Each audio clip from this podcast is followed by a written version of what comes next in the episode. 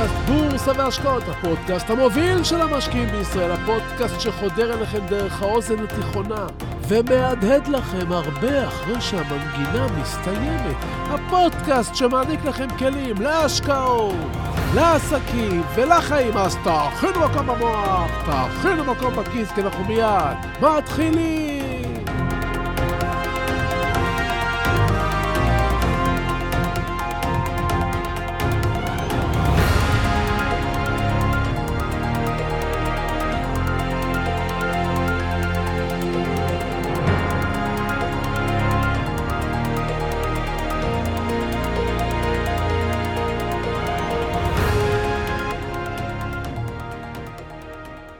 אחד הדברים שמדהימים אותי הוא אימוץ של אמונה ללא עוררין בדבר מסוים. ובנוסף, לחיות חיים שלמים לאורה של אותה אמונה. אני לא מדבר על אה, אמונה דתית, אלא אני מדבר על אמונה כלכלית. אנשים יכולים לעבוד חיים שלמים בעבודה מסוימת, רק בגלל שמישהו פעם נטע בהם רעיון. זה יכול להיות רעיון על מקצוע שהורים רבים נוטעים בילדיהם, כמו למשל, תהיה רופא, או תהיה רואה חשבון, זה הכי טוב. ואז הילד יכול לעבוד חיים שלמים במקצוע שאולי ההורים שלו חשבו שהוא הכי טוב, אבל הילד, הוא יוציא את התשוקה מהחיים. זה יכול להיות גם רעיון כמו תמצא עבודה קבועה עם משכורת בטוחה, בלי סיכונים. ואתם כבר מבינים למה אני מתכוון. קחו לדוגמה את השכר הממוצע ברוטו במשק. השכר הממוצע ברוטו במשק של למעלה משלושה מיליון שכירים במשק הישראלי עומד על כמעט 11,000 שקלים. כן, רוב העובדים השכירים בישראל של שנת 2022 מרוויחים בממוצע שכר ברוטו של 11,000 שקלים. לאחר שנקלף מהשכר שלהם מיסים ועוד כהנה וכהנה, שכרם נטו יהיה לצורך הדוגמה כ-8,000 שקלים, מה שנקרא בשפה עממית כסף ביד, כלומר, הכסף שנכנס בפועל לחשבון הבנק שלכם. אם אתם ילדים להורים שכירים או להורים עצמאים ממוצעים, משרה בטוחה לימדו אתכם, זה דבר טוב. אתם עובדים במוסד ציבורי, יש לכם משכורת קבועה, תנאים, עם השנים אולי תתקדמו קצת או הרבה, לרוב זה יהיה קצת, אבל אם זה יהיה הרבה, זה לא תמיד יהיה בגלל חריצותכם וכישוריכם, אלא בגלל הקשרים שלכם. ככה תוכלו לעבוד בנחת 40 שנה, ולסיים במסיבת פרישה קטנה עם ברכות מועתקות מגוגל, עוגה מוכנה מרולדין והרמת כוסית בכוס חד פעמית, כי למי יש רצון לשטוף כוסות של מסיבת פרידה? אולי, אולי תקבלו ספר מתנה או שעון ב-250 שקלים, וככה תצאו לפנסיה כשבפתח הדלת למשרד שהיה שלכם כבר יעמוד העובד החדש שהגיע ל-40 השנים הבאות במשכורת ממוצעת, בגלל שגרמו לו להאמין שזו זו העבודה האופטימלית, כולל חלום גדול על פנסיה מסודרת. השלב הבא של יציאה לפנסיה היא ההבנה שמה שחשבתם או מה שהבטיחו לכם פעם זה לא בדיוק ככה. כלומר, למרות שהמשכורת שלכם הייתה ממוצעת, היא לא דומה בכלל לפנסיה. ברכיבי השכר הממוצע יש לא מעט רכיבים שלא תקבלו בפנסיה. התרגילים החשבונאיים של מחלקת הנהלת החשבונות מגלחים לא מעט רכיבים בדרך ל-20 השנים הבאות שלכם. בהם אתם אמורים ליהנות מפרי עמלכם בפנסיה, וככה תמצאו את עצמכם. אחרי 40 שנות עבודה, צריכים להסתדר עם כ-5,000 שקלים לחודש. 5,000 שקלים לחודש? זה מה שהשגנו אחרי 40 שנות עבודה. תהרהרו ותשאלו את עצמכם בשבועות הראשונים, אחרי שיצאתם לפנסיה. בן אדם מבלה את רוב ימיו ושנותיו בעבודה. כל החיים הוא מגיע בכל בוקר למקום העבודה.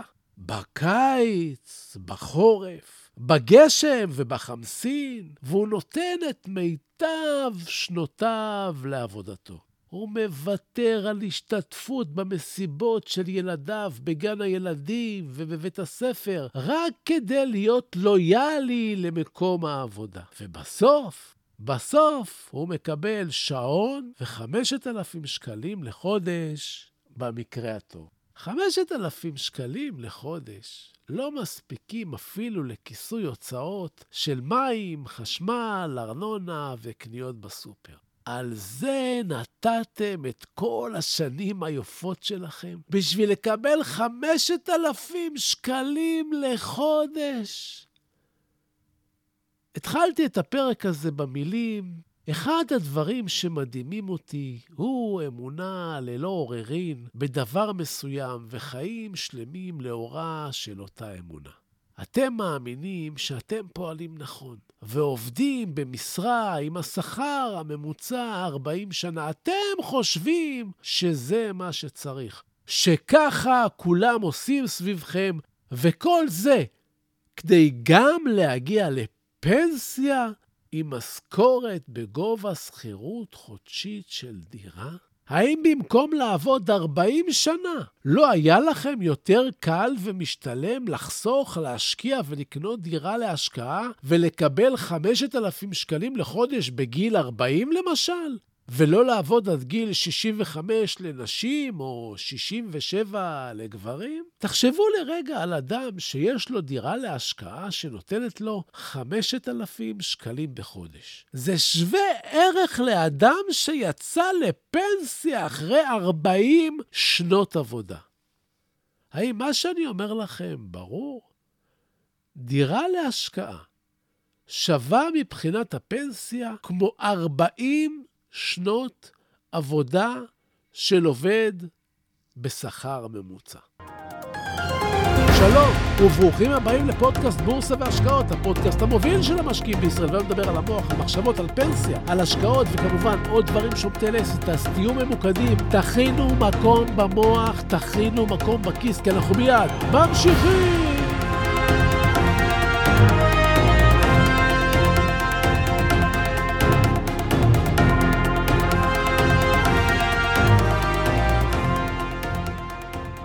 אנחנו מסתובבים כל הזמן סביב אותם המספרים, אבל לא כל הזמן מבינים איך הדברים עובדים בפועל. המשוואה שהצגתי לכם, פנסיה שווה בסך הכל דירה, מציירת לכם תמונה אולי קצת שונה מזו שחשבתם עד כה. כן, כן, אני יודע. אני יודע שלא קל לקנות דירה וזה לא פשוט והכול מאוד יקר. אבל אני כרגע לא בא לדבר על יוקר הדיור. גם את זה אפשר לתקוף בצורה נבונה, מזוויות שונות ובזמנים נכונים. אבל לא נעסוק בזה בפרק הזה. דירה שתעניק לכם 5,000 שקלים כנכס להשקעה לא צריכה להיות דירה ב-3 מיליון שקלים. היא יכולה להיות גם דירה במחיר חצי מזה, ואף פחות, אבל היום אני בא לפתח איתכם חשיבה על כסף בכלל. להביא לכם חשיבה קצת אחרת, מרעננת, כדי שתבינו איך חושבים אנשים עשירים. הדוגמאות שאני אביא בפניכם כאן נועדו רק כדי לעורר אתכם ולגרום לכם לחשוב. אל תנסו לחשוב למה זה לא יעבוד ולמה זה קשה ולמה ולמה ולמה. תבואו בחשיבה פתוחה, שתוכל לחרוץ ערוץ מחשבתי חדש במוח שלכם. אז בואו נתחיל. אדם ממוצע שיקבל לידיו סכום של 100 אלף שקלים, מסיבה כלשהי, אם מקרן השתלמות, אם מירושה, אם מתנה, אם חיסכון שנפתח, ימצא מהר מאוד מה לעשות עם הכסף. להחליף מכונית, לעשות מטבח חדש, לטוס לחו"ל, לקנות שעון, לממן בר מצווה או בת מצווה ועוד כהנה וכהנה. מבחינה פסיכולוגית הוא יהיה מתוחכם קצת, הוא לא יבזבז את כל הסכום, אלא ישאיר לעצמו בצד, נאמר, 40 אלף שקלים מתוך אותם 100 אלף שקלים. אבל תאמינו לי שגם אותם 40 אלף שקלים בצד התעופפו תוך חודשים ספורים. לעומתו, מה עושה אדם שיש לו גישה של אדם עשיר, שמקבל סכום כסף כזה מסיבות כאלה ואחרות? הוא נהנה ממנו כל החיים. אם הוא שמרן, הוא יפקיד את הכסף בהשקעה שתעניק לו ריבית של 5% לשנה, וייהנה מ-5,000 שקלים ריבית כל שנה לכל החיים. ואם יש לו מנהל כספים טוב, או שהוא עצמו כזה, הוא ישיג בממוצע גם 8 ו-10 אחוז לשנה, וייהנה מ-8,000 או 10,000 שקלים כל שנה, כאשר הסכום הראשוני, אותם 100,000 שקלים, נשארים לאורך כל חייו אצלו. העשירים האלה לא יוציאו גם את אותם 8,000 או 10,000 שקלים. בשנה הבאה הם כבר יקבלו ריבית מ-110,000 שקלים, שהם הקרן ביחד עם הריבית שקיבלו בשנה הקודמת. ריבית דריבית זה כוח אדיר, וכדאי לקרוא על זה קצת. כלומר, בעוד שאצל בעל חשיבה ממוצעת, אחרי חמש שנים המכונית שקנה ב-60,000 כבר שווה 20,000, ו-40,000 שקלים שהוא שם בצד התעופפו ביורו דיסני, אצל בעל החשיבה העשיר, יש אחרי חמש שנים כבר 150 אלף שקלים בחיסכון. עשירים גם מוצאים הזדמנויות להשקיע בעסקים. אם לצורך העניין קיבלתם או אפילו חסכתם 100 אלף שקלים, אתם יכולים להיכנס שותפים לעסק כמשקיעים. עשירים לא עובדים בעסקים שלהם, הם משקיעים בהם. לצורך העניין, שני שותפים רוצים להקים חנות נוחות, כמו פיצוצייה. לאחד מהם יש כסף ולאחר אין כסף, אבל יש מוטיבציה וזמן. אם מתקיים ביניהם אמון, והם מקימים עסק בשותפות של 50-50, כזה שאחרי ההוצאות יכניס 15,000 שקלים בחודש נטו, כל שותף יקבל 7,500 שקלים לחודש. אם הייתם המשקיעים ששמו 100 אלף שקלים בתוך שנה, תחזירו כמעט את כל ההשקעה שלכם. אחרי 13 חודשים, אותם 100 אלף שקלים יחזרו אליכם ואתם תוכלו מעתה ואילך להרוויח 7,500 שקלים כל חודש, בלי לעשות כלום, כל עוד העסק הזה חי. כאשר ה-100 אלף שקלים שסיכנתם חזרו אליכם. כלומר, יש לכם גם את הכסף שהשקעתם, וקיבלתם בחזרה גם הכנסה חודשית, ועכשיו אתם יכולים שוב להשקיע את הכסף. כן, כן, כן, אני יודע, אני יודע, זה לא קל, אני יודע, זה לא פשוט, אני יודע, אתם תגידו שזה לא ככה, אבל היי, אני עשיתי את כל הדברים האלה.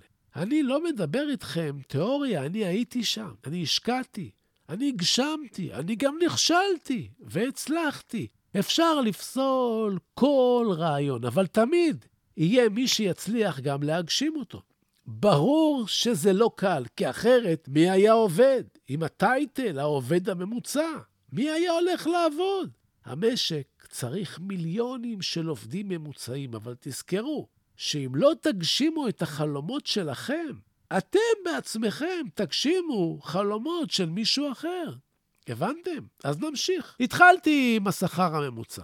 העובד הממוצע והמשרה הממוצעת. אתם לא תמצאו אף פעם אדם עשיר שעובד במקום כזה. אנשים עשירים עובדים, אבל הם עובדים אצל עצמם. הם עובדים יותר מהאדם הממוצע, אבל הם עובדים בעבודה כזו שגורמת להם לשכוח את השעון ואת השעה. הם שוכחים את כל אלה כי הם נהנים מאוד ממה שהם עושים. ובניגוד לאנשים הממוצעים, הם לא מחכים שהיום יעבור, להפך, הם רוצים להספיק יותר. הם יודעים, בין היתר, שהתגמול שלהם הוא גם הסיפוק שלהם וגם ההצלחה שלהם, והם יכולים לייצר לעצמם הרבה פנסיות בדמות השקעה נכונה של הרווחים שלהם. לעומתם, העובד הממוצע יביט בשעונו כל שעה-שעתיים, ימתין לסוף היום, לסוף שבוע, לחופשה השנתית, וכל זאת על מנת לקבל אחרי 40 שנות עבודה פנסיה בגובה שכירות מדירה.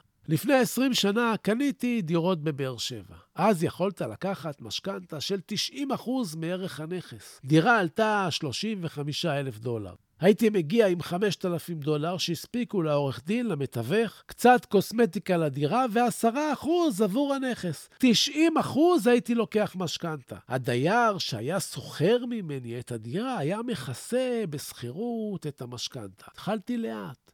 בחשש להבין אם זה עובד. קניתי דירה ועוד דירה ועוד דירה ועוד דירה, וזה הלך יופי, ממש משחק מונופול. הצעתי לכל החברים שלי, בואו, תעשו את זה גם. כמעט אף אחד לא בא. כולם הסבירו לי למה זה לא יכול לעבוד. כולם סיפרו לי על הפחדים שלהם. הם האמינו בעבודה קבועה ופנסיה בטוחה, בעוד שהדירות הללו סיימו לשלם את עצמם וכבר יצרו לי כמה פנסיות.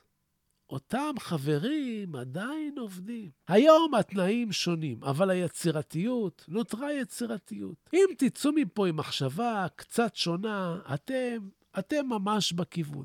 ולסיום, איך אפשר? איך אפשר בלי הבורסה? המקום בו אתם לא צריכים להקים עסקים וליצור שותפים, אלא רק להצטרף לעסקים הטובים בעולם.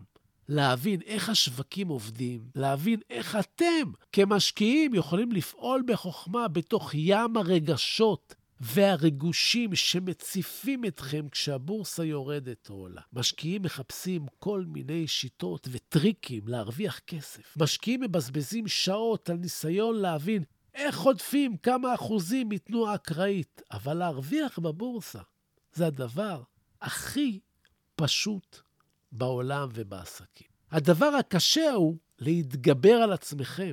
וכדי להעמיק את התובנה הזאת ולשמוע את האמת הפשוטה, אני מזמין אתכם לחזור ולהאזין לפרק מספר 74 בפודקאסט שלי. שם טמון הסוד שכדאי לכם לחדד. ועכשיו, עכשיו, לפינת הטיפים שלנו.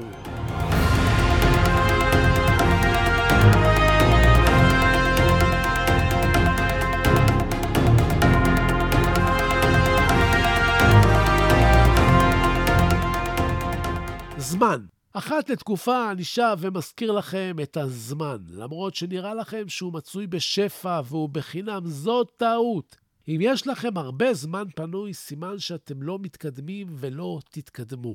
לעשירים אין זמן, הם לומדים כל הזמן, מתקדמים, עובדים, יוצרים, חושבים. אז קודם כל תבדקו כמה אתם עסוקים. לאחר מכן תבדקו במה אתם עסוקים. תמיד כשאתם עושים משהו, מאזינים למשהו, קוראים משהו, גולשים, תלמדו לעצור ולשאול, מה למדתי מזה?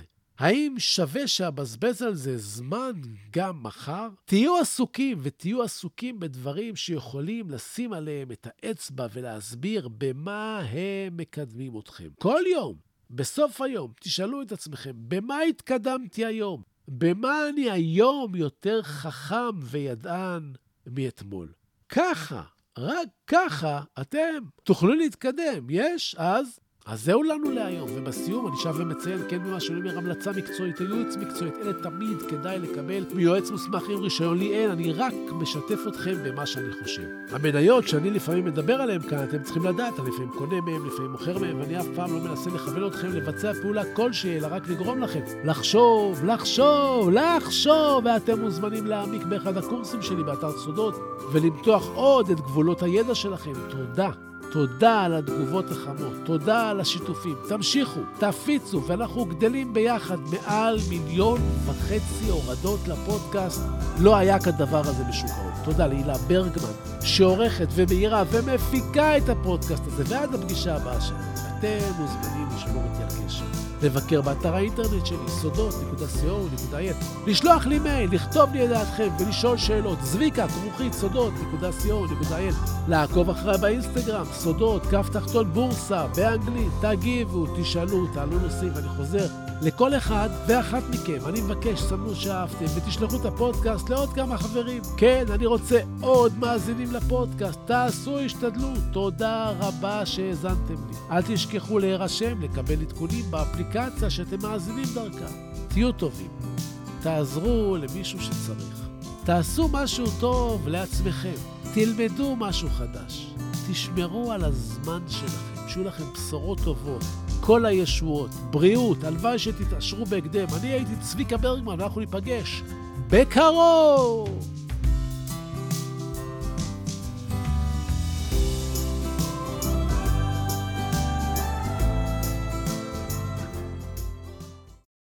אם רודיארד קיפלינג, אם תוכל לשמור על שקט וקור רוח, עת מסביב לך שוררת מבוכה.